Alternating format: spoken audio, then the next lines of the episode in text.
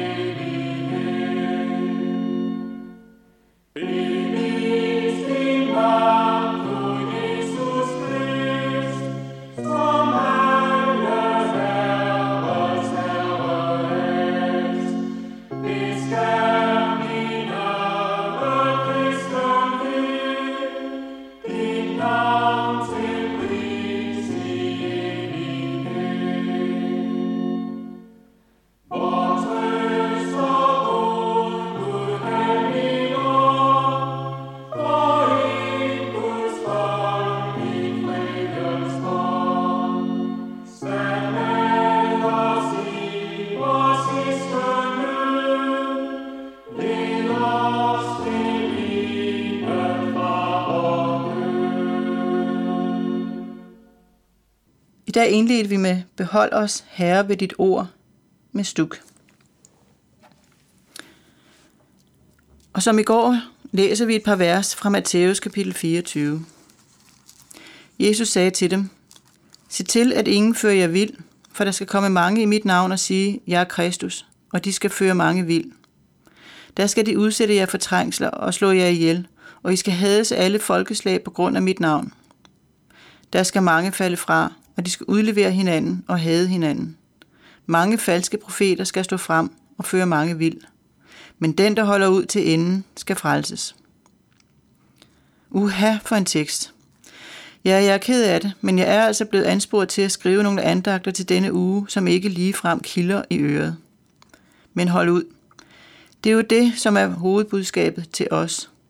Den, der holder ud til enden, skal frelses. Til det sidste vil der være kamp om, hvad der er sandheden. Folk skal hade og udlevere hinanden, forfølge og slå hinanden ihjel for sandheden. Det er jo sådan set ikke noget nyt. Det må vi sige. Falske profeter og løgneguder har der været fra tidernes morgen. I paradiset selv var en løgner til stede, og han ledte mennesket på vildspor. Det vi skal huske på med denne første løgn i paradiset, det er, at det lød jo godt, det som slangen sagde. Det kildrede i Evas ører, og Adam var uopmærksom og blev revet med i faldet. At far vild kan altså ske både ved at forholde sig ukritisk til det, som kilder en i øret, og ved at følge med strømmen, så at sige. I hvert fald, hvis den strøm, man følger, går den gale vej. Hvordan får man så et klart billede af, hvad der er sandhed og løgn? Og hvordan undgår man at være uopmærksom på, hvor man er på vej hen? Her er i hvert fald Helligånden vores ven. Et fast bedeemne på agendaen må være, at vi har sandhedens ånd til at bedømme, hvad vi hører og læser, og ikke mindst til at kunne vidne, prædike og undervise sandheden.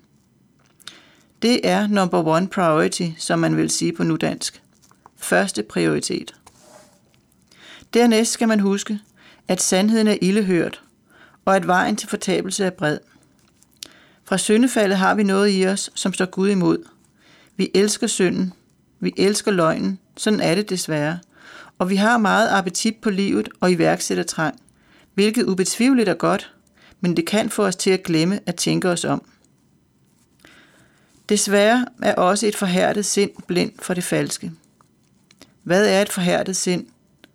Først og sidst er det Gud, der åbner og lukker vores sind. Guds ord bliver ikke sande og levende efter et menneskes egen vilje og stræben. Gud giver, og han tager. Paulus skriver i Romerne kapitel 11, at Gud har forhærdet Israel, altså folket, ikke den enkelte jøde. Så de ikke tror evangeliet, før et mål af hedningerne er blevet frelst. Gud kan altså forhærde et sind, der ikke har kærlighed til sandheden. I 2. Thessalonika kapitel 2 skriver Paulus, at Gud sender vilfarelsens magt over dem, så de tror på løgnen. Altså skal vi lægge det over til Gud, at åbne vores øjne for sandheden, og heldigvis for det. Der er ikke noget bedre end at lægge sit liv i Guds hænder. Når troen på os selv flyttes over på Gud. Så langt, så godt. Vi må ikke stole for meget på os selv. Vi skal stole på Gud. Endelig har vi Kristus. Der skal komme mange i mit navn, sagde han. Hvem er den rigtige Kristus? Ja, nu er han usynlig. En dag skal han komme, synligt tilbage på himlens skyer med magt og herlighed. I Matthæus 24 står der, Tro ikke, at han er nogen steder synligt her på jorden. Tro ingen tegner under fra løgneprofeter, før himlens kræfter rystes. Den evige sande Kristus er her allerede. Han er til stede i blandt os. Vi er ikke overladt til os selv. Men synlig, det er han ikke. Synlig er kun menigheden. Eller er den nu også det? Er der vi tilbage ved hovedspørgsmålet, sandhed og løgn. For desværre er det ikke synligt for os, hvem der er frelste og hvem der er navnekristne. Den sande menighed, den frelste flok, kender kun Herren. Jesus har fortalt en lignelse, som jeg synes passer meget godt ind i denne sammenhæng. Det er lignelsen om ukrudtet i viden fra Matthæus kapitel 13. Der står, Himmeriget ligner en mand, der såede god sæd i sin mark, men folkene sov. Mens folkene sov, kom hans fjende og såede ukrudt i viden og gik sin vej. Da kornet skød op og satte kerne, kom også ukrudtet frem. Husbundens folk kom så og spurgte, Herre, så du ikke god sæd i din mark? Hvor kommer der ukrudtet fra? Han svarede, det har en fjende gjort. Folkene spørger ham så, vil du have, at vi skal gå ud og luge det væk? Han svarer dem, nej, for når I lurer ukrudtet væk, kommer I til at rykke viden op sammen med det. Lad blot begge dele gro side om side ind til høsten. Ved høsttid vil jeg så sige til høstfolkene, tag først ukrudtet fra og bind det i knipper, så det kan brændes, men sammen viden i min lade.